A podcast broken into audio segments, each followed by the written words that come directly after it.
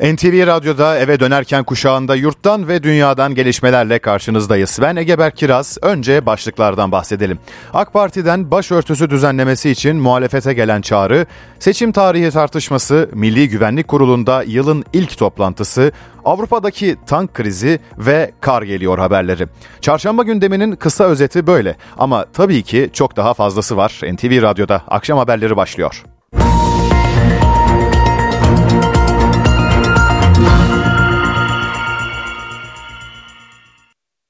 Bir son dakika gelişmesiyle başlıyoruz. Emeklilikte yaşa takılanlar düzenlemesi meclise geldi. Düzenleme az önce AK Parti milletvekillerinin imzasını açıldı. Ayrıntıları az sonra meclisten canlı bağlantıyla alacağız. Deprem bu kez kendini Akdeniz'de hatırlattı. Antalya'nın Kaş ilçesi açıklarında Rodos adası yakınlarında 5.4 büyüklüğünde bir sarsıntı meydana geldi. An itibariyle olumsuz bir ihbar ulaşmış değil. Son durumu NTV temsilcisi Merih Ak'tan alacağız. Rodos Adası açıklarında saat 15.37'de yerin yaklaşık 28 kilometrenin de 5,4 büyüklüğünde deprem oldu. Deprem başta Ege kıyıları olmak üzere çok geniş bir alanda hissedildi. Özellikle depremin merkez üssü olan Rodos açıklarının hemen karşısında bulunan Antalya'nın Kaş ilçesiyle Muğla'nın Fethiye ilçesinde vatandaşların büyük bir panikle dışarıya çıktığını söyleyebiliriz. Kısa süreli ve oldukça sert bir sarsıntıydı. Genel anlamda baktığımızda başta İzmir kent merkezi olmak üzere Aydın, Muğla ve Antalya'da da depremin hissedildiğini aşağıdan yukarıya da baktığımızda Kaş'tan e, Kuşadası ve Çeşme'ye kadar geniş bir alanda bu depremin hissedildiğini belirtelim. Özellikle e, Dalaman, e, Kaş, Köyceğiz, Fethiye e, bölgelerinde çok yoğun hissedilmişti. Bunun üzerine AFAD e, bölge müdürlükleri devreye girdi. Yapılan ilk incelemelerde hem AFAD'dan yapılan açıklamada hem Çevre ve Şehircilik Bakanlığı'ndan yapılan açıklamada herhangi bir olumsuzluğun yaşanmadığı dile getirildi. Ancak bölgedeki incelemelerin özellikle köyler bazında devam ettiği de bize gelen bilgiler arasında şunu vurgulayalım. Herhangi bir olumsuzluk şu an için yok. Özellikle Fethiye ve Kaş'ta deprem sırasında çok sayıda vatandaşın da sokaklara çıktığının altını çizmemizde yarar var. Toparlayacak olursak e, Rodos açıklarında Akdeniz'e bakan, Kıbrıs'a bakan yüz, yüzeyinde e, bir deprem meydana geldi. 5,4 büyüklüğünde 15.37'de yaklaşık 28 kilometre derinlikte oldu bu e, deprem ve çok geniş bir alanda bu depremin hissedildiğini belirtelim Türkiye tarafında ancak herhangi bir olumsuzluğunda olmadığını da belirtelim. Merih Ak İzmir'den bildirdi. Bültenin başında emeklilikte yaşa takılanlar düzenlemesi az önce meclise geldi demiştik. Şimdi Ankara'ya gidelim. Bağlantımız hazır. Haberin ayrıntılarını meclisten Özgür Akbaş aktarıyor. Emeklilikte yaşa takılanlar düzenlemesi uzunca zamandır bekleniyordu. Mecliste sunuldu mu sunulmadı mı tartışması gündemdeydi. Çalışma ve Sosyal Güvenlik Bakanı Vedat Bilgin mecliste AK Parti grubuna sunulduğunu ifade etmişti. Ve AK Parti grubunda hukukçu ve ekonomiyle ilgili kurmaylar bu konu üzerinde uzun bir mesai harcadılar. Düzenlemenin kanunlaştırma süreci aslında e, yaşandı ve artık son noktaya gelindi e, imzaya açıldı. AK Partili milletvekilleri düzenlemeye ilişkin imzalarını atıyorlar.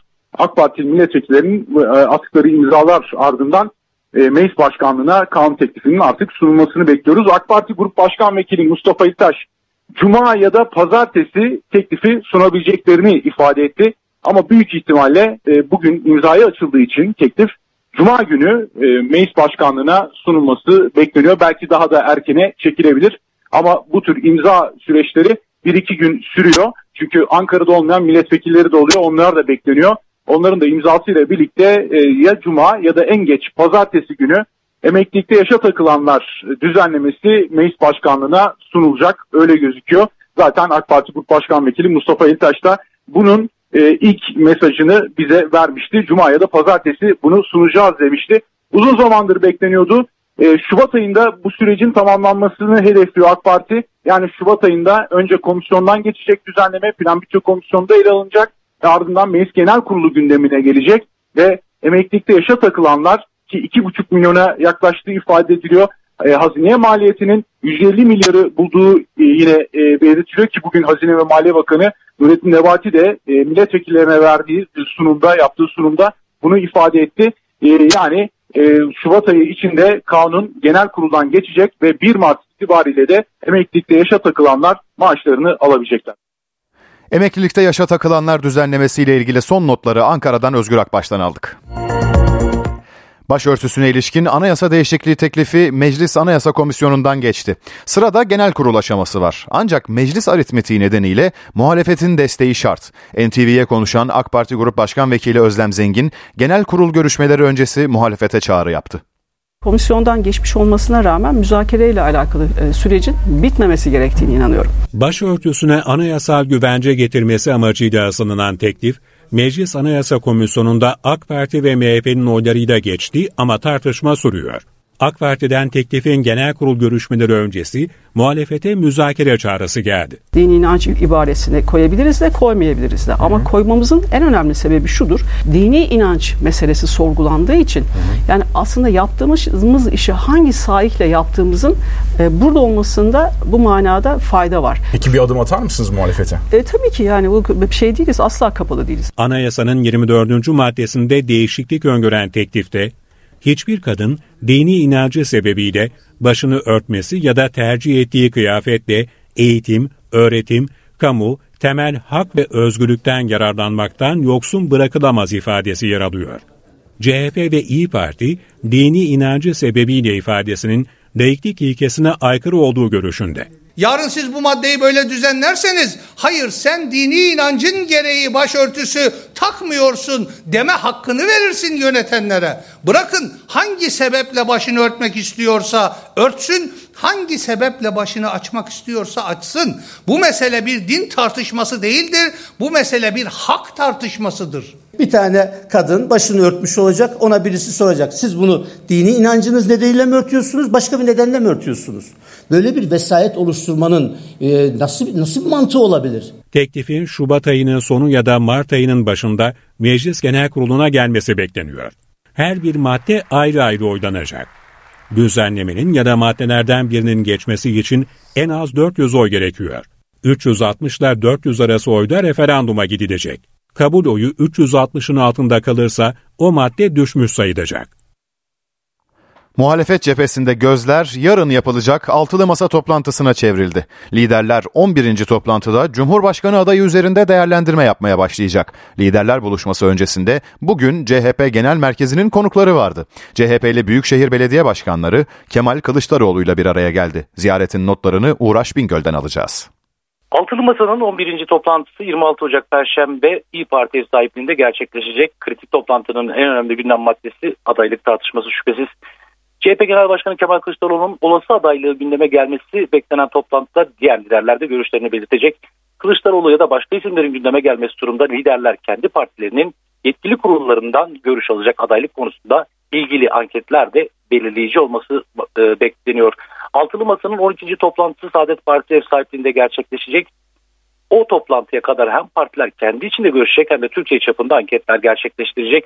Altılı masa toplantılarının ardından yapılan ve liderlerin imzasıyla ortak basın bildirisinde geçiş sürecinin yol haritası da yer alması bekleniyor. O bildiride Cumhurbaşkanı seçiminin kazanılması halinde liderlerin konumu, geçiş sürecinin ne kadar olacağı, yürütme etkisi gibi konulara dair detaylar açıklanacak.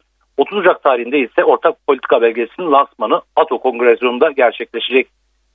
Kritik liderler buluşması öncesinde 9 Büyükşehir Belediye Başkanı CHP Genel Merkezi'ndeydi. Başkanlar Kılıçdaroğlu'yla yaklaşık bir buçuk saat görüştü. Alınan bilgiye göre başkanlar olası adaylık durumunda Kılıçdaroğlu'na tam destek verdi. Seçim takvimini işaret ederek altılı masayın adayının kim olacaksa bir an önce ilan edilmesini talep etti. Uğraş Bingöl Ankara'dan aktardı. Altılı Masa'da aday konusunda gözler yarına çevrilmişken İyi Parti Genel Başkanı Meral Akşener'den seçim tarihiyle ilgili açıklama geldi. Akşener, Cumhurbaşkanı Erdoğan'ın işaret ettiği 14 Mayıs için şu eleştiride bulundu. Sayın Erdoğan seçim tarihini 14 Mayıs olarak açıkladı. Seçimlere bu kadar az bir süre kala erken seçim kararı aldılar biliyor musunuz? Çünkü gençlerden korkuyorlar. Okulların açık olduğu bir zamanda Hatta sınavların olduğu bir dönemde seçim yapmak demek gençlere oy kullanmayın demektir. İyi Parti Genel Başkanı Meral Akşener 14 Mayıs'ta seçim kararına tepki gösterdi. O tarihte okulların açık olduğunu belirterek gençlerin sandığa gidemeyeceğini söyledi. Gençlerin olmadığı bir seçimi kabul etmiyoruz diyen Akşener bu konuda bir seferberlik başlattıklarını açıkladı. Eğer ki başvuru gününü kaçıranlar olursa da ikametgahlarının bulunduğu şehirlere ücretsiz olarak götürülmelerini, oy kullandıktan sonra da geri getirilmelerini İyi Parti olarak biz sağlayacağız. Partisinin grup toplantısında konuşan Akşener'in gündeminde eski Ülkü Ocakları Genel Başkanı Sinan Ateş cinayeti de vardı. Susmayacağız, kabullenmeyeceğiz, unutmayacağız, unutturmayacağız. Gerçekler ortaya çıkana kadar bu olayın peşinde olacağız. Seçim için düşünülen 14 Mayıs tarihi bazı üniversitelerin sınav dönemine denk geliyor. Türkiye'de başka şehirlerde okuyan 1 milyondan fazla öğrenci bulunuyor. Beyza Nur Özer bu öğrencilerin nasıl oy kullanacağına dair bir haber hazırladı. O haberi mikrofona getirelim. Kimi ikametgahının olduğu şehre gidecek, kimi ise oy kullanabilmek için eğitim gördüğü kente ikametgahını aldıracak. Genel seçim için işaret edilen 14 Mayıs tarihi çoğu üniversitenin final sınavları dönemine denk geliyor. Bu durum şehir dışında okuyan 1 milyondan fazla yüksek öğretim öğrencisinin nasıl oy kullanacağı sorusunu gündeme getiriyor. Kütahya'da ikametgahım şu an. Kütahya'ya gideceğim. Orada oy kullanacağım. Ulaşım desteği şu an veriliyor galiba aylık ama başvuru yapmak gerekiyordu. Eğitim aldıkları yerde sandık başına gitmek isteyen öğrenciler için iki seçenek bulunuyor. Birinci olarak öğrencilerin yaşadıkları evi e-devlet üzerinden adresi olarak kaydettikten sonra seçim kuruluna kayıt alınması için müracaatta bulunması gerekiyor. İkinci olarak yurtta kalınıyorsa öğrenci belgesi ve yurt idaresinden alınan dokümanla nüfus müdürlüğüne başvurulabiliyor. İzmir'de okuyorum. Tüm arkadaşlarım önden aldılar hatta ikametlerini. Bizim o dönem çok yoğun oluyor. Git gel yapmak da sıkıntı olurdu yani. Tam benim bitimine denk geldiği için gelip burada kullanacağım. Yüksek Öğretim Kurulu'nun verilerine göre Ordulu öğrencilerin %87'si, Hakkari'de öğrencilerin %85'i farklı şehirlerde eğitim görüyor. Türkiye'de 9 şehirde ikametleri olan öğrencilerin %80'i farklı kentlerdeki üniversitelere gidiyor. Şehir dışında okuyan öğrenciler ikametgahlarında oy kullanabilmek için ulaşım desteği istiyor. İstanbul'a okumaya geldim Van'dan geldim. İkametgahım Van'da Van'a gideceğim yani oy için. Herkes gidecek, istediği şehirde oy kullansın. Yani herkes İstanbul'a ya da merkezi şehirlere gelmek zorunda değil. Bence biletler kesilebilir yani. Ya da ücretler önceden verilebilir. Giresun'dan geldim. İstanbul'a kullanacağız, bekliyoruz. Öğrenciye destek vermeli bence. Ulaşım masrafını karşılayabilir. Zaten sanırsam öyle bir şey yapıyorlar. Başvurmanız gerekiyor tabii ki. Öğrencilerin sandık başına gidebilmesi için Mayıs ayında ulaşım desteği sağlanması da gündemde. Anayasa Mahkemesi HDP'nin kapatma davasının seçim sonrasına bırakılması başvurusunu yarın karara bağlayacak. Kritik toplantı öncesi Anayasa Mahkemesi raportörü görüşünü açıkladı. HDP'nin talebi reddedilsin dedi. Kapatma davası ile ilgili mahkemenin gündeme hakim olduğu vurgulandı. Milli Güvenlik Kurulu yeni yılın ilk toplantısını bugün yapıyor. Cumhurbaşkanı Recep Tayyip Erdoğan baş- başkanlığındaki toplantının gündemini Özden Erkuş'tan alacağız.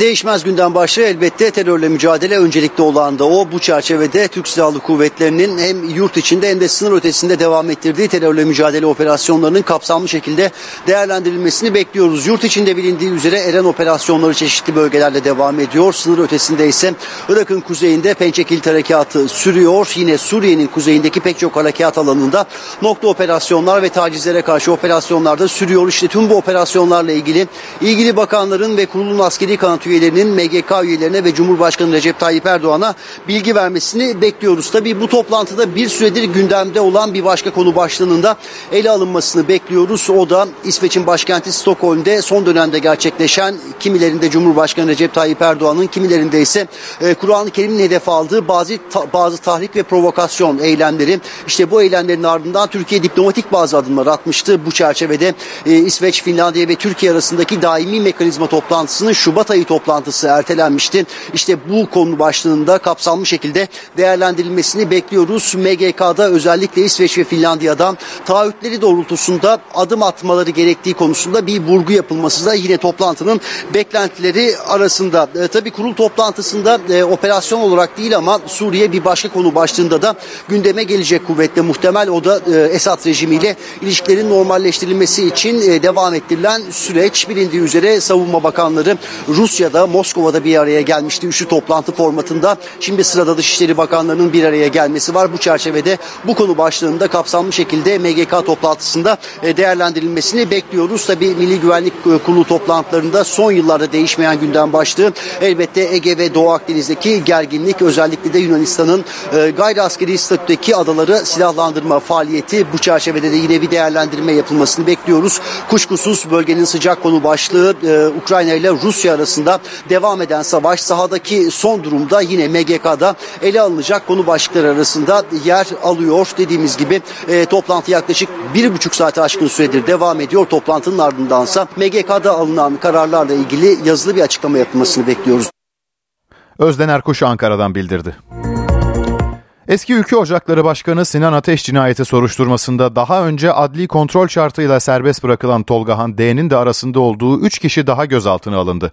Tolgahan D'nin cinayetin tetikçisi olduğu iddia edilen kişiyi Ankara dışına çıkarttığı ileri sürülüyor. Soruşturmada 15 şüpheli tutuklanmıştı. Organize suç örgütü lideri Sedat Peker'in sosyal medya paylaşımlarını yöneten Emre Olur, ilk duruşmada adli kontrol şartıyla tahliye oldu. Olur, Peker'den talimat almadım, haberim olmadan bir yaralama olayının baş aktörü gösterildim, hayatımda şiddetle yan yana gelmedim, dedi. Günlerdir Türkiye genelinde etkili olan kuraklığı konuşuyoruz. Meteorolojiden iyi haber geldi. Hafta sonundan itibaren sıcaklık hissedilir derecede düşecek. Doğuda şiddetli kar bekleniyor. İstanbul'a ise Şubat'ın ilk günlerinde kar yağabilir. NTV Meteoroloji Editörü Dilek Çalışkan yurtta hava durumunu anlattı. Ülkemiz bu sonbaharı ve Ocak ayını çok kurak geçirmişti. Ancak yağışlar yavaş yavaş gelmeye başlıyor. Daha yağışlı bir sezona giriyoruz ki önümüzdeki 15 gün soğuk havanın etkisinde geçecek ve kar yağışları görmeye başlayacağız. Yağışlı hava yarın akşam Ege bölgesi üzerinden giriş yapacak. Öncelikle Ege'de Ayvalık, Çanakkale, İzmir, Dikili, Balıkesir taraflarında ve Manisa'da yarın gece ve cuma çok şiddetli yağış var. Su baskınları oluşabilir. İzmirliler yine Manisa, Ayvalık, Balıkesir boyunca o bölgelerde yaşayanlar tedbirli olsunlar tüm Ege Cuma günü yağışlı. İstanbul'da da Cuma, Cumartesi ve Pazar günü yağış var. Cumartesi sağanak şeklinde zaman zaman kuvvetli de yağacak ve bu yağışlı hava bu sefer Anadolu'ya da ilerleyecek. Çünkü önceki yağışlar Anadolu'ya ilerleyemiyordu. Ege bölgesini geçemiyordu. Çok uzun zamandır doğu bölgelerde ve Karadeniz'de e, doğru düzgün bir yağış yok. E, bu yağışlı hava cuma günü tüm Akdeniz'e etkileyecek. Adana'ya da yağış geliyor. Ankara'ya aynı şekilde yağış geliyor. Cuma günü Konya Ovası'na da yağış geliyor. E, ayrıca Anadolu'da, Doğu Anadolu'da Kahramanmaraş, Kayseri, Malatya, Bingöl, e, Adıyaman'ın yüksekleri büyük bir bölümde 1000 metrenin üzerindeki yerlerde özellikle yoğun kar yağışları da olacak. E, cumartesi doğu bölgelerde kar yağışları devam edecek. Karadeniz'in öncelikle iç kesimleri yağışlardan etkilenecek. Kıyılar e, biraz daha az yağış alacak. Ancak e, Doğu Karadeniz'de de yaylalarda da cumartesi ve sonraki günlerde aralıklarla kar yağışları olacak. Şubat başında da bu kar yağışları devam edecek. Batı bölgelere kar gelme ihtimali 4 Şubat'la 5 Şubat arasında İstanbul'a da gelebilir. Geç gelen kış pek çok alanı olduğu gibi tekstil sektörünü de etkiledi. Havalar soğumayınca kışlık montlar üreticinin elinde kaldı. Mevsimlerin kayması, beklenen kışın, yağışın gelmemesi yaklaşık %20 ile 30 arasında değişen e, bir satış kaybı yaratıyor ki bu dış giyimde özellikle kışlık palto, kaban e, ve kışlık botta çok daha yüksek %40'lara varan bir satış kayıpları söz konusu. Kış mevsimine girildi ancak birçok ülkede havalar mevsim normallerinin üzerinde seyrediyor. Türkiye'de de son 52 yılın en sıcak Aralık ayı yaşandı. Ocak'ta da baharı andıran manzaralar var. Bu durum sektörleri de etkiledi. Tekstil de bu sektörler arasında. Kış gelmediği için özellikle kalın montlar, botlar, kazaklar satılmıyor küresel ısınma uzun yıllardır devam eden bir sorun biliyorsunuz. E, ve bu e, sorun e, maalesef sadece bu yılın e, sorunu değil, son 5 yıldır, 6 yıldır biz bunu moda sektöründe çok yoğun olarak görüyoruz ve kendimizi de buna adapte ediyoruz. Ve bu da bu e, sorunun doğal sonucu olarak mevsimlik ürün üretimi geçtiğimiz e, 10 yıl öncesine göre çok daha yüksek Kış mevsiminin gelmemesi kadar maliyetler de tekstil sektörünü etkileyen faktörler arasında. İşçilik maliyetleri fiyatlara da yansıyor. Örneğin geçen sene 500 lira olan bir mont bu sene 1000-1500 lira civarında. Tekstil firmalarının en yoğun olduğu yerlerden biri olan Merter'deyiz. Esnaf kışlık mont satışında geçen seneye oranla en az %50 oranında bir azalma olduğunu söylüyor. Geçen seneye göre neredeyse %50-60 diyebilirim bir düşüş var. Geçen ay işte İtalya'da Pitti Fuarı'na vardığımızda da orada havaların çok sıcak olduğunu, tüm ürünler %50-%70 indirimde olduğunu gördük. Bu süreç bize de yansıdı. Biz de daha çok yurt dışına ürün sattığımız için aynı sıkıntıları biz de yaşıyoruz. Bunun üzerine işçilik maliyetleri yaklaşık maliyet oranlarımızda %50, %40 gibi bir artışlar satışlarda bayağı bir sıkıntıya soktu gerçekten. Esnaf önümüzdeki günlerde beklenen kar yağışının dış giyimde hareketlilik yaratacağını düşünüyor. İstanbul'da 7 ay önce meydana gelen scooter kazası davasında bilirkişi heyeti bir rapor hazırladı. Raporda scooter'ı kullanan 23 yaşındaki Dilara Gül asli kusurlu bulundu. Sola dönüş yasağı olan yerde şerit değiştirdiği vurgulandı. Kazada Dilara Gül'ün kullandığı scooter bir araçla çarpışmıştı. Raporda araç sürücüsü ise turuncu ışık yandığı anda hızını azaltmadığı için tali kusurlu bulundu. Sanığın karakola giderek imza verme şartı kaldırıldı, yurt dışı çıkış yasağı ise sürüyor. NTV Radyo Müttefikler arasındaki tank krizi aşıldı. Almanya, Ukrayna'ya Leopard tankı gönderiyor. Resmi açıklama bugün yapıldı. Berlin'in onayı sonrası Avrupa ülkelerinden de bir bir biz de tank göndeririz açıklaması geldi. Ukrayna Savaşı'nda dengeleri değiştirebilecek haberin ayrıntılarını NTV temsilcisi Gülden Erson'umut'tan alacağız ifade ettiğin üzere Ukrayna'ya tank verme konusu neredeyse yılan hikayesine dönmüştü ve e, tavuk, tavuk yumurta konusu da yok değildi. Zira Almanya Amerika'nın Ukrayna'ya tank vermesi halinde tank vereceğini açıklamıştı. İki ülke arasında sağlanan mutabakat çerçevesinde bugün Alman hükümeti Ukrayna'ya iki bölük tank gönderme kararı aldı. Bir bölükte 14 tank bulunuyor. İlk parti tankın önümüzdeki ay sonu e, Ukrayna'ya ulaşması öngörülüyor. İkinci parti ise e, Mart ya da Nisan ayı içerisinde Almanya'nın Ukrayna'ya göndereceği tanklar Leopard A6, 2 A6 yani özellikle Norveç ya da Hollanda, e, Portekiz, İspanya hatta e, Polonya'nın elinde bulunan tankların aynısı olacak. Ayrıca Almanya bu ülkelerin Ukrayna'ya tank göndermeleri konusunda kesin e, izin vermiş durumda. Yeşil ışık yaktı. Amerika Birleşik Devletleri Ukrayna'ya 30 adet Abraham e, M1 tankı gönderecek e, İngiltere yaklaşık 14 adet. Fransa'nın da e, göndereceği tankların sayısını hafta sonuna kadar açıklaması öngörülüyor. Bu sayede ilk etapta 90 ve şu Mart ayının sonuna kadar Ukrayna'nın elinde 150 tank olacak. Bu tanklar sayesinde Ukrayna Rusya'nın hazırladığı ilkbahar saldırılarına karşı koyabilecek Ege. Güldener son umuttan aldık son notları. Almanya'nın tank kararına Moskova'dan tepki geldi. Rusya Dışişleri Bakanlığı Sözcüsü Maria Zaharova, batılı ülkelerin tank gönderme kararını önceden planlanmış bir savaş olarak niteledi. Rusya'nın Berlin Büyükelçisi ise Almanya'nın tank gönderme kararıyla Rusya'ya karşı tarihi sorumluluğunu bir kenara bıraktığını söyledi. Rus Büyükelçi ayrıca karar çatışmayı yeni bir boyuta taşıyor. Alman siyasetçilerin daha önce yaptıkları açıklamalarla çelişiyor dedi.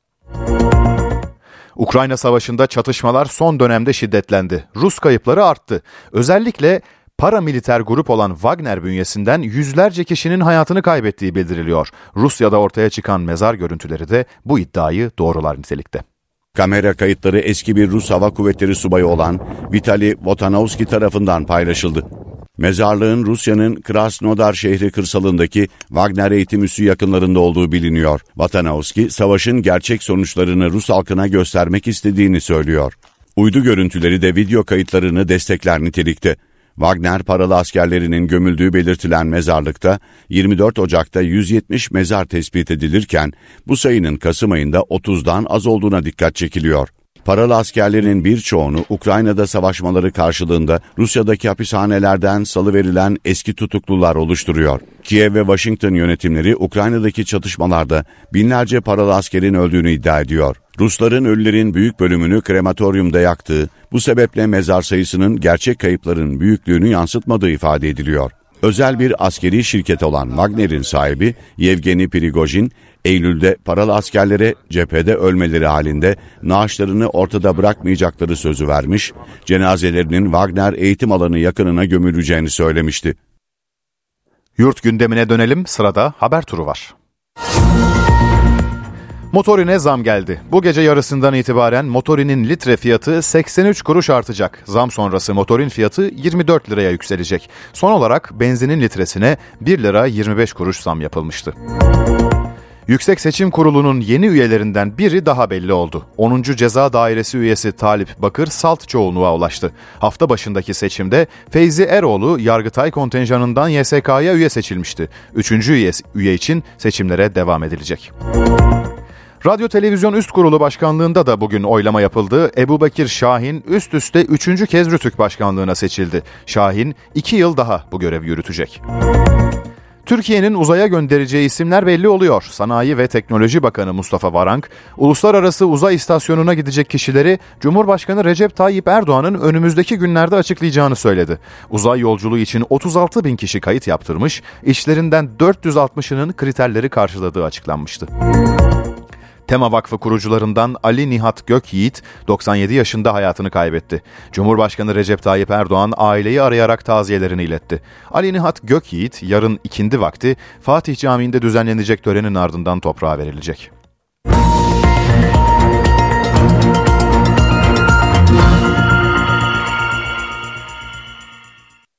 Karikatür ve mizah dünyası beklenmedik bir vedayı konuşuyor. Haftalık yayınlanan Uykusuz dergisi 15 yıllık serüvenin sona erdiğini duyurdu. Derginin son sayısı pek çok satış noktasında tükendi.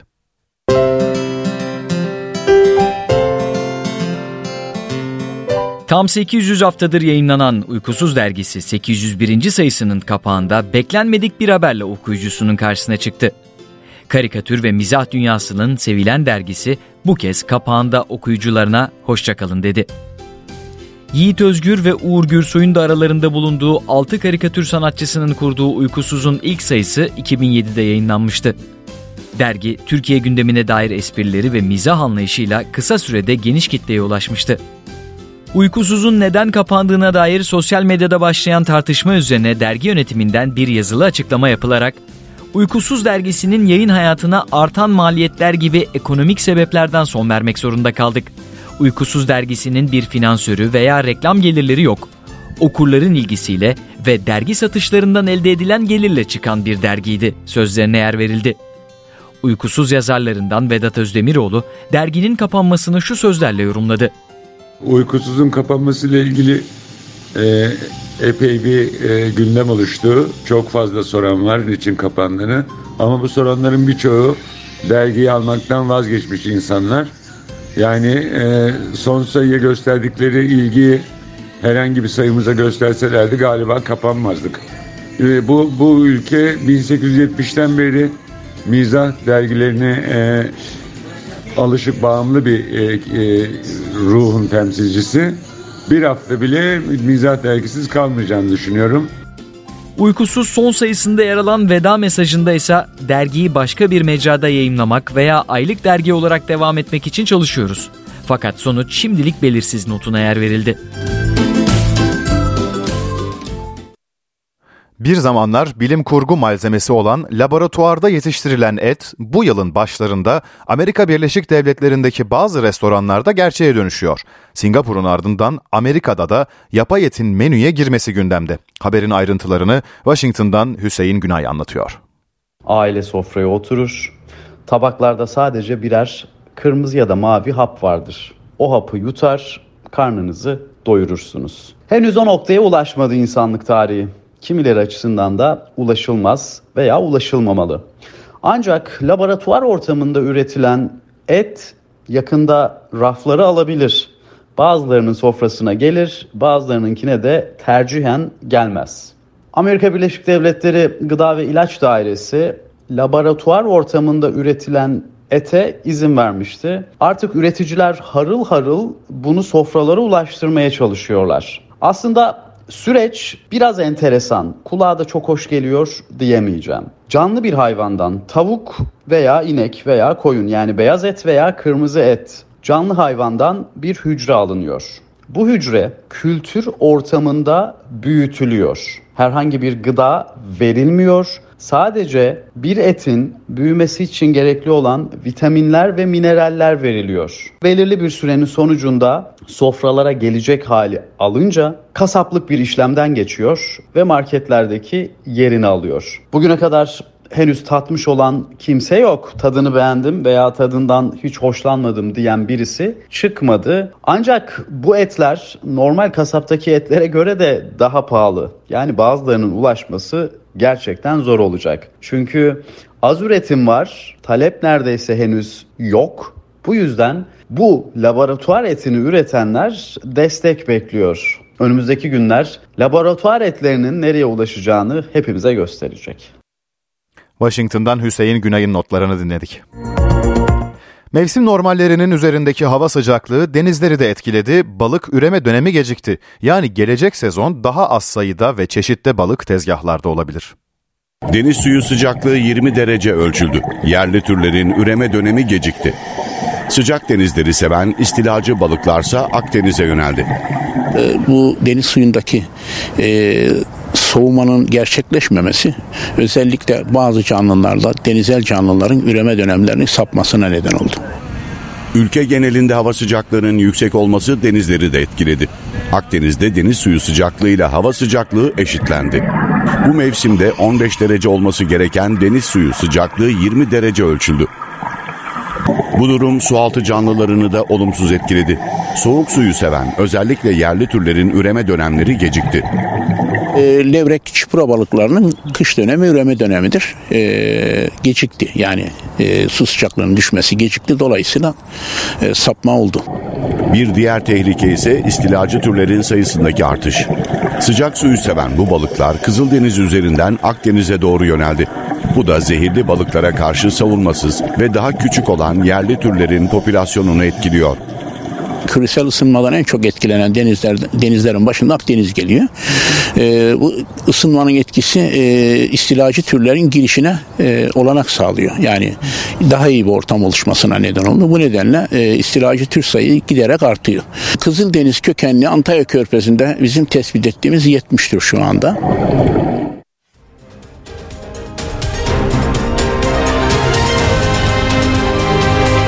NTV Radyo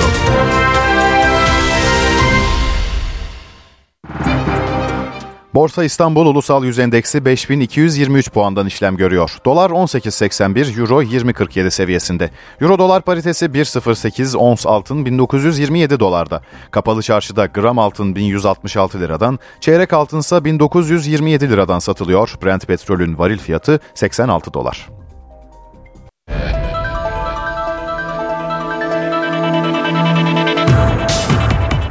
Galatasaray'da kış transfer dönemi için arayış devam ediyor. Stoper ve santrfor takviyesi yapmayan sarı kırmızılılarda öncelik sol bek transferi.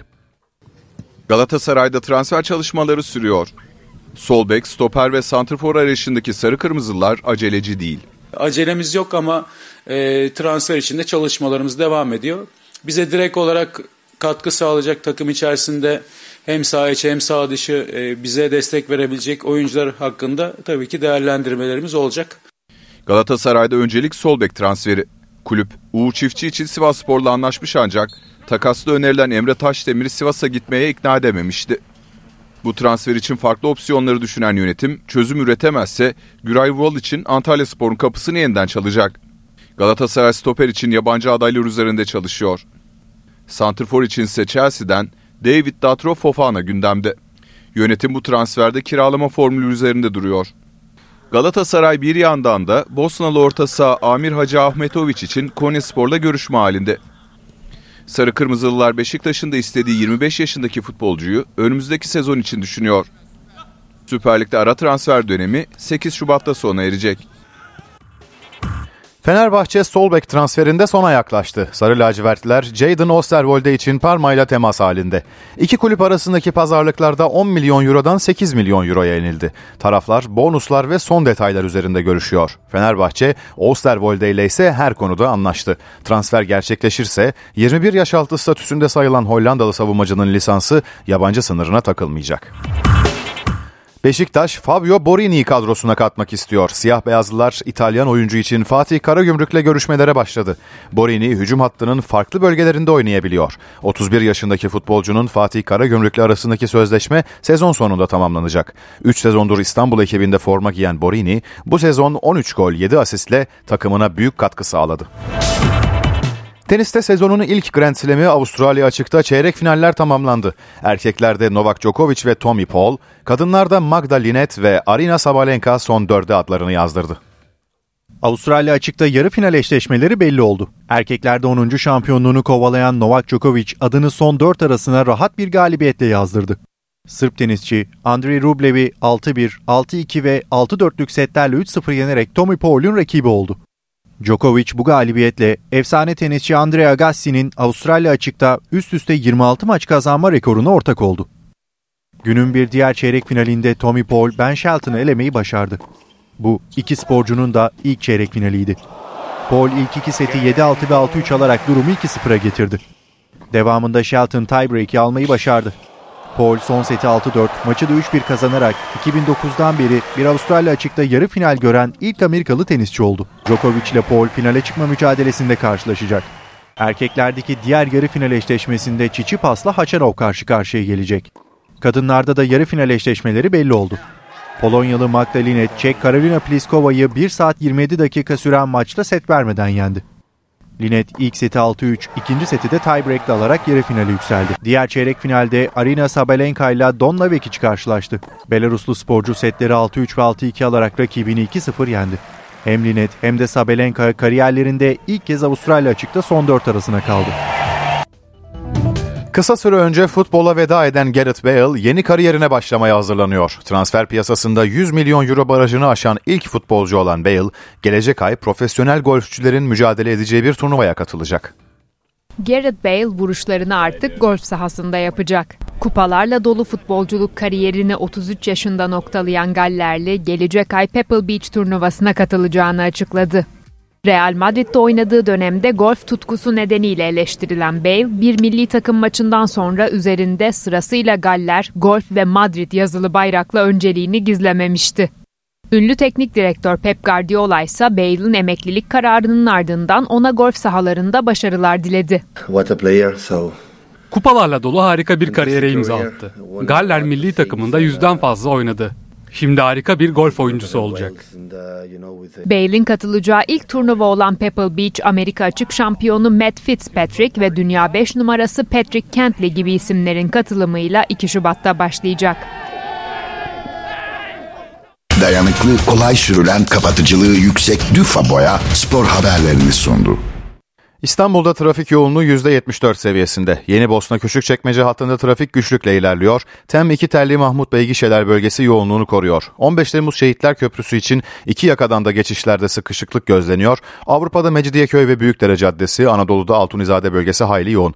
Fatih Sultan Mehmet Köprüsü için de geçişlerde yoğunluk var. Avrupa'da hastalığın gerisinden baş, başlayan trafik diğer yakaya kadar uzanıyor. Anadolu'da Tem Çavuşbaşı mevkiinden itibaren trafik güçlükle ilerliyor. Anadolu yakasındaki en yoğun hat Tem Dudullu Ataşehir bölgesi bu bölge iki istikamette yoğunluğunu koruyor. Yolda olanlara güvenli yolculuklar. NTV Radyo'da haber saati içerisindeyiz. Gelişmeleri aktarmaya devam ediyoruz. EYT'de meclis takvimi uzun süredir merak ediliyordu. Beklenen gelişme bugün yaşandı. Emeklilikte yaşa takılanlar düzenlemesi parlamentoya gönderildi. Teklif AK Parti milletvekillerinin imzasına açıldı.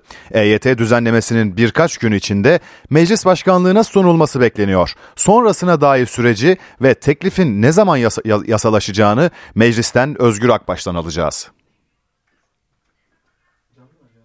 Fin ve süreç nasıl işleyecek?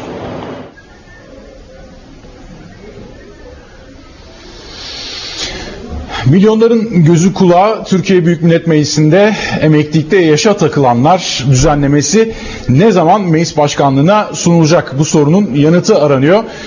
Cuma ya da pazartesi günü verilebileceği yönünde bilgiler var. Bizzat AK Parti Grup Başkan Vekilleri tarafından bu bilgi geldi. Ama henüz çalışmanın tam olarak tamamlanmadığını söyleyelim. Ee, çalışmaya devam ediliyor, kanunlaştırılmaya çalışılıyor. Çalışma ve Sosyal Güvenlik Bakanlığı bir taslak metin gönderdi. O taslak metin kanunlaşma süreci devam ediyor.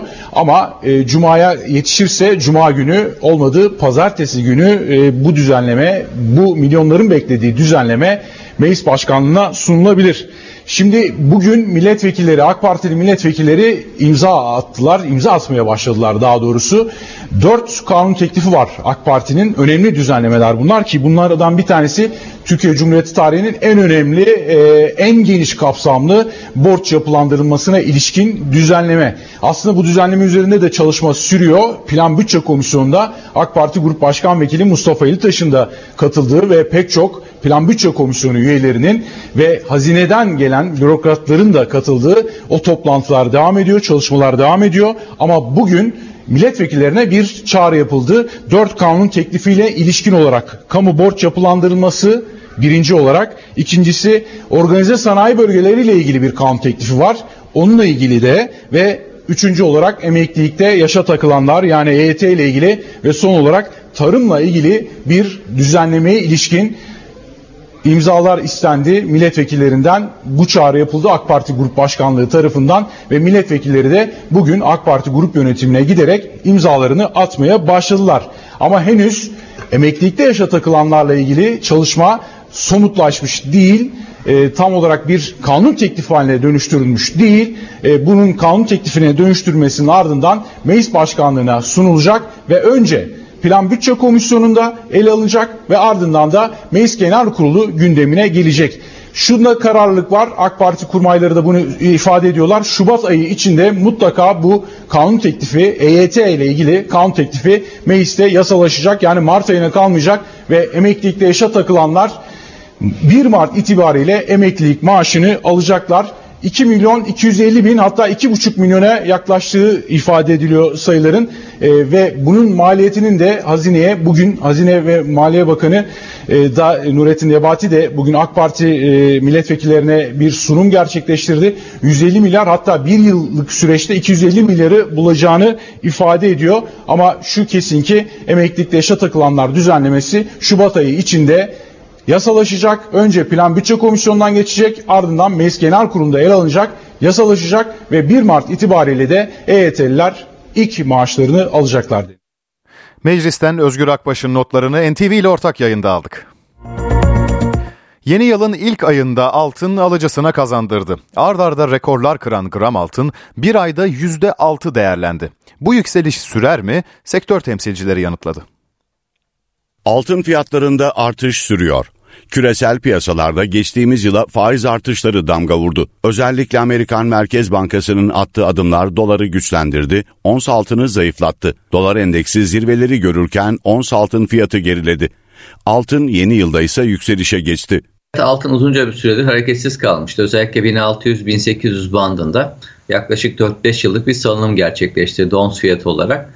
E, son çeyreğe girildiğinde belli başlı merkez bankaları ve belli fonların e, almaları neticesinde altın fiyatlarında bir yükseliş kaydedildi.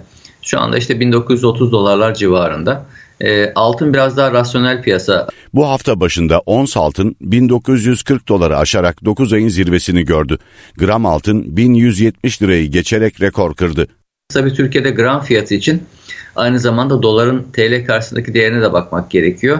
Eğer dolar e, şu, şu paritede, şu dengede kalırsa e, gram fiyatlarının rahatlıkla 1300-1400 liraları görmesi olası gibi e, görülmekte kısa vadede. Yılbaşından bu yana ons altın fiyatı %6, gram altın fiyatı %6,5 arttı. Akdeniz açıklarında 5,4 büyüklüğünde deprem oldu. AFAD açıklamasına göre sarsıntı 27 kilometre derinlikte yaşandı. Merkez üssü ise Akdeniz açıklarında Antalya'nın Kaş ilçesine 85 kilometre uzaklıkta. Deprem İzmir, Muğla ve Aydın'da da hissedildi. Paniğe kapılanlar kendilerini sokağa attı. İlk belirlemelere göre herhangi bir olumsuzluk yaşanmadı. Adalet Bakanı Bekir Bozdağ hakim ve savcılara sosyal medya uyarısında bulundu. Karar alırken trollere kulak asmayın dedi mahalle baskılarına, trollere, sosyal medyaya bakarsanız siz oraya göre hareket ederseniz ömrünüz boyunca başarılı bir hakim, savcı olma imkanını kendi elinizden kovarsınız. Sosyal medyaya baktığımızda çok net söylüyorum artık sizin yerinize yargıç, yalancı, iftiracı, binlerce troll olur. Sizin yerinize yargıç sadece siyasi taraftarlığa göre onu bunu yıpratmak isteyen yayın yapan çevreler oluyor. O zaman siz kuklaya dönersiniz. Buna izin vermeyin. Günün diğer gelişmelerini içeren haber turuyla devam edelim.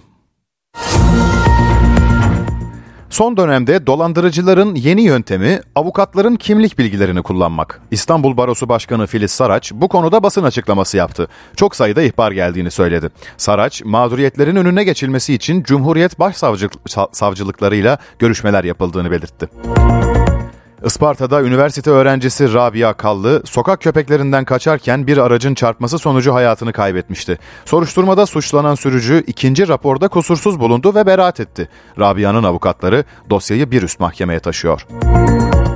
İstanbul Eyüp Sultan'da kız kardeşini öldürdüğü için aranan zanlı 13 yıl sonra yakalandı. Polis Erkan Müngücek adlı zanlının saklandığı iş yerine operasyon düzenledi. Zanlı hakkında 30 yıl kesinleşmiş ağır hapis cezası bulunuyor.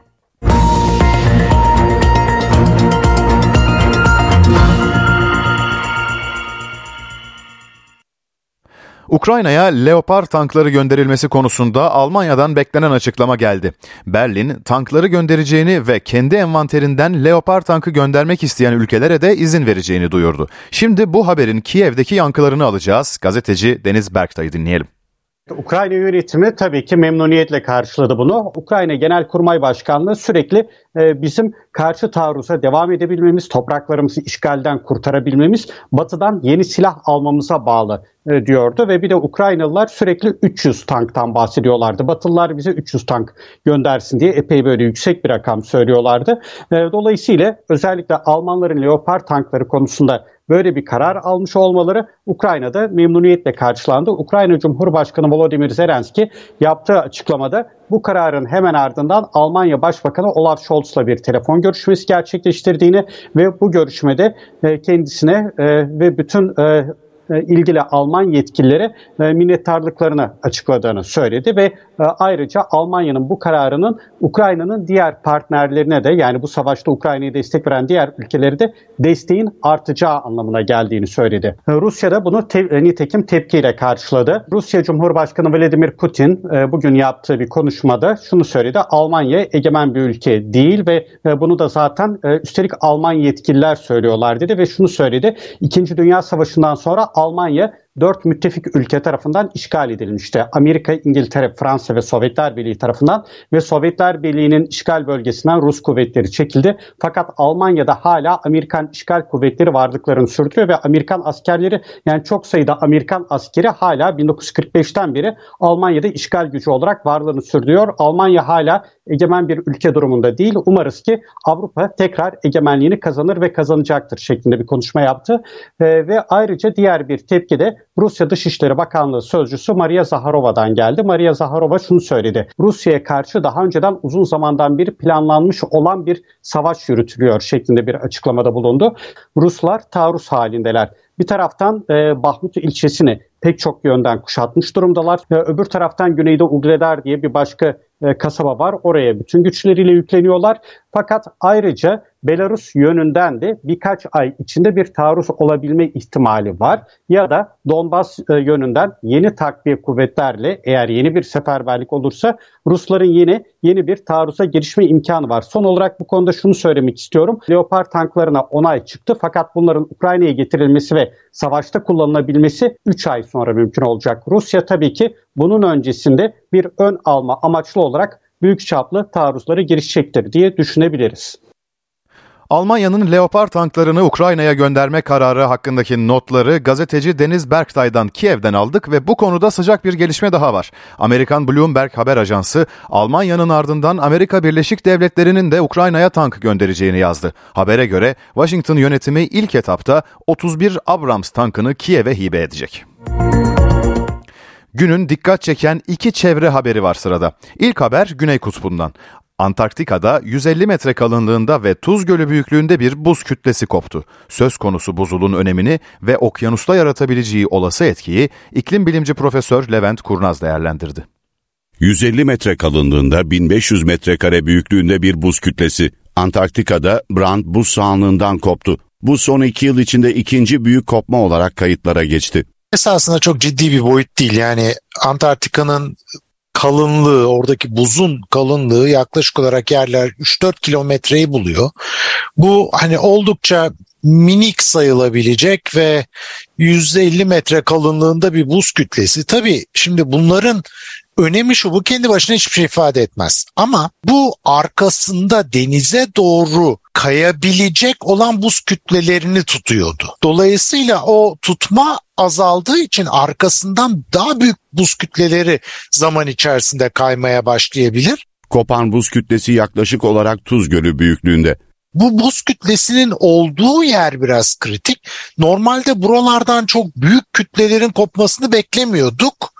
Ve o yönden azıcık hani 2012'den sonra bu buz kütlesi hareketlenmeye başlamış benim de okuduğum kadarıyla. O da birazcık soru işaretleri yaratıyor gelecek konusunda. Buz sahanlıklarının çökmesi iç buzların okyanusa daha hızlı karışmasına neden oluyor. Bu da deniz seviyesinin yükselmesine yol açıyor. Evet Antarktika her geçen gün daha da hızlı erimeye başlıyor. Ha Antarktika'nın erimesi daha doğrusu bu buzulun koptuğu yerin erimesi bizim uykularımızı kaçırmalı mı? Pek değil. Çünkü hani orası biraz daha sağlam ve çabuk erimesi beklenmeyen bir buzul. Ama Antarktika'nın başka bölgeleri var aynı sıcak hava dalgasına karşı karşıya kalmış olan. Oralardaki erime hani bazı bilim insanlarının dediği gibi Boğaz'da ki yalıların su basmasına falan neden olabilir önümüzdeki 20-30 sene içerisinde ama hani bugünden yarına korkunç bir şey beklemeyin. Diğer çevre haberi ise Türkiye'den arılarla ilgili. Hava sıcaklığının mevsim normallerinin üzerinde seyretmesi arıların doğal döngüsünü etkiledi. Uyuması gereken arılar kovanlarına girmiyor. Peki bu ne anlama geliyor? Sonucu ne olur? Arıcılardan dinleyelim. Kuraklık onları da etkiledi. Uyuması gereken arılar uçmaya başladı. Türkiye'de bu kış yağışsız geçiyor. Tarlada ürünler zarar görme tehlikesiyle karşı karşıyayken canlıların döngüsü de risk altında. Ordu'da bal arıları kış uykusuna yatamadı. Bizler 10. ayda arılarımızı yerden getirdiğimiz zaman gerçekten yani 10. ayın sonlarından itibaren arı uykuya geçerdi ve uçmazdı. Yani içinde biz yerden gelirken de 15 kilo civarında bir bal bırakıyorduk. Bu da kış beslemesi için arılara yetiyordu. Tabii ki uyu, uyuduğu zaman yetiyordu. Ama bu sene yani arılarımız hiç uyumadı ve hiç de yavrudan da durmadı. Sürekli yavru yapıyor. Bu aylarda da yavru olması gerçekten normal bir şey değil. Arılara kış beslenmesi için bırakılan ballarsa tükenmeye başladı. Aç kalan bal arılarına besiciler takviye, kek ve bal vererek besleme yapıyor. Bizim yerden gelirken kış boyu arıca yeter dediğimiz bal gerçekten de artık bitme noktasına geldi. Biz şu anda Mart'ın 15'inde yapacağımız işlemi şu anda yapmazsak arı ölümleriyle karşı karşıya kalabiliriz. Yani gerçekten de bu bizler için sıkıntılı bir süreç. Yani beklenmedik bir gelişme diyebiliriz. Besicilerin gözü meteorolojik tahminlerde. Kar ve yağmur yağmasını dört gözle bekliyorlar. Bu bölümün sonunda dün açıklanan Oscar adaylarının yankıları var. Hangi adaylar öne çıkıyor? Sürpriz var mı? Sinema dünyası ne konuşuyor? NTV Kültür Sanat Servisi'nin hazırladığı haberi dinleyelim.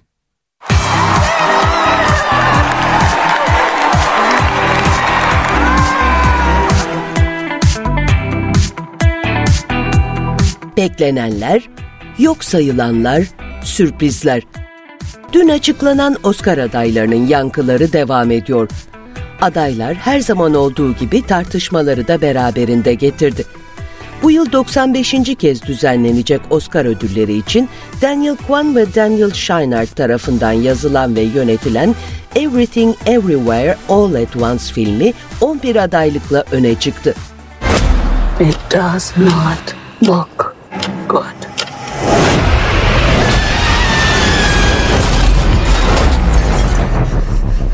Filmin Asya kökenli oyuncu kadrosundan Michelle Yeoh, Kyo Kwan, Stephanie Su'nun da aday olması dikkat çekti. Son 3 yılda Parazit'le birlikte iki Asyalı film en iyi film Oscar'ı almasına karşın Asya kökenli oyuncular pek aday olamıyordu. Parasite. En iyi yönetmen kategorisinde hiç kadın yönetmen olmaması tepkilere neden oldu. En iyi yönetmen kategorisinde biyografik filmiyle Steven Spielberg dikkat çekti. The Fablemans, Spielberg'e 9. yönetmen adaylığını kazandırdı.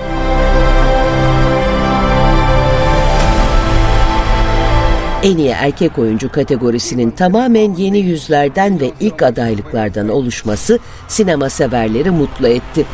Bu kategoride bu yıl Elvis performansıyla 31 yaşındaki Austin Butler ve After Sun'la duygulandıran 26 yaşındaki Paul Mescal gençlik rüzgarları estirdi. Why don't you go over and introduce yourself? Dad, no, they're like kids. Why don't you go over and introduce yourself?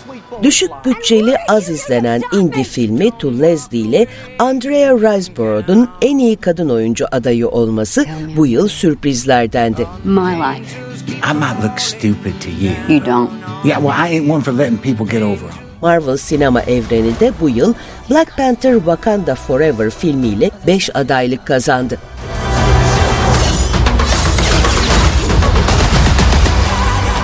We know what you whisper. Ana akımın çok konuşulan iki diğer filmi Top Gun Maverick 6 adaylık, James Cameron'ın Avatar The Way of Water filmi de 4 adaylık elde etti. Protect the people.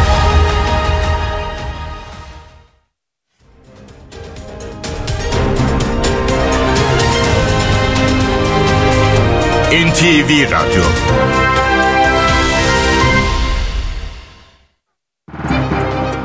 Borsa İstanbul Ulusal Yüz Endeksi 5296 seviyesinde. Serbest piyasada dolar 18.80'den, euro 20.52'den işlem görüyor. Euro dolar paritesi 1.09, ons altın 1931 dolarda. Kapalı çarşıda gram altın 1169 liradan, çeyrek altın 1932 liradan satılıyor. Brent petrolün varil fiyatı 85 dolar.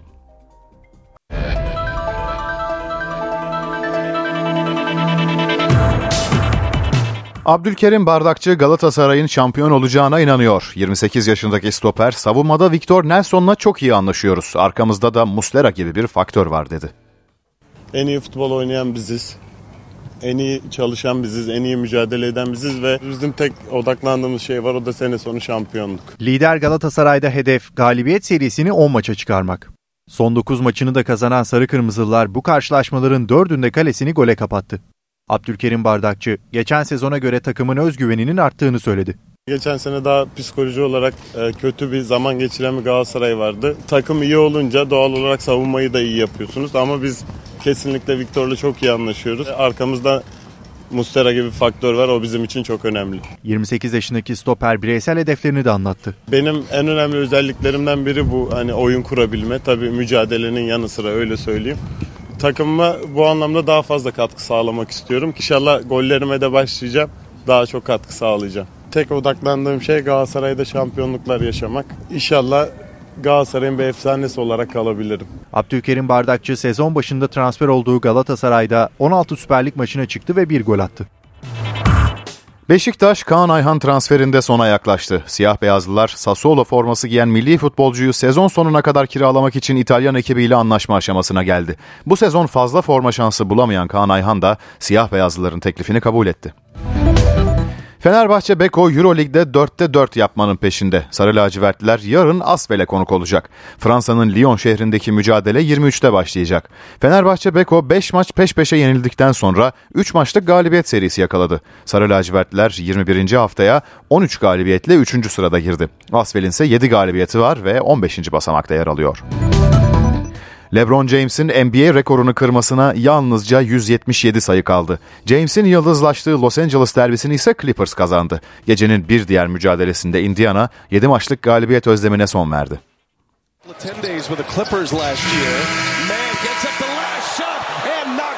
NBA'de Los Angeles derbisini Clippers kazandı.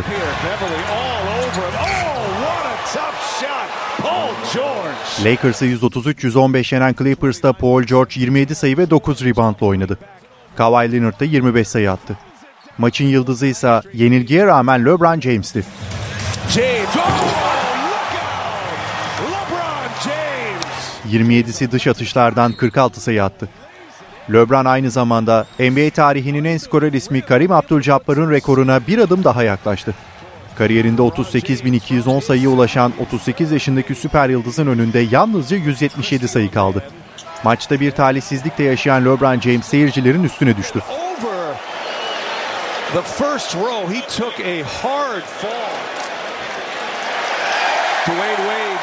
2-0-6'lık oyuncunun altında kalanlardan yaralanan olmadı. Gecede Indiana Chicago'yu 116-110 yenerek 7 maç sonra kazandı. Miles Turner ve Benedict Maturin 26'şer sayıyla oynadı. Indiana bu maçta 21 sayı geriden gelmeyi başardı. 3 maçlık galibiyet serisi sona eren Chicago'da DeMar DeRozan 33 sayı attı. NBA lideri Boston'ın düşüşü sürüyor. Yeşil Beyazlar Miami'ye 98-95 yenildi ve üst üste ikinci kez mağlup oldu.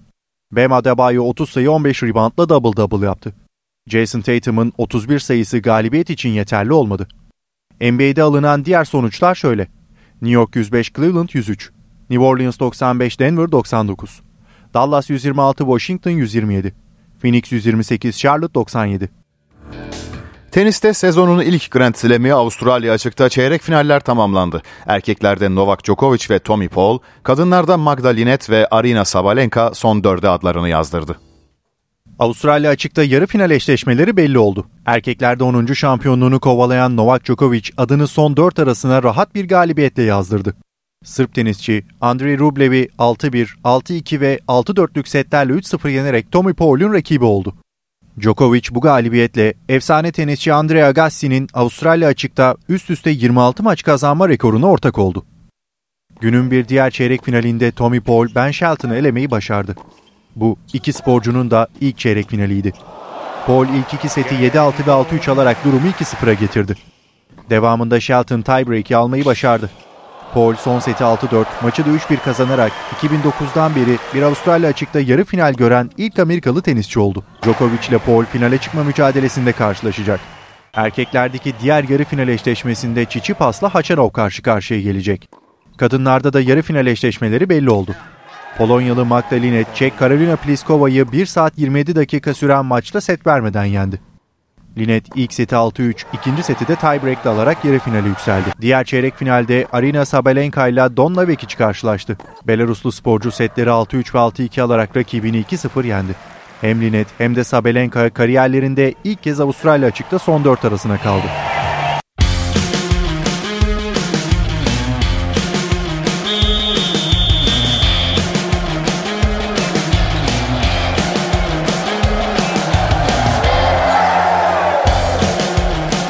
NTV Radyo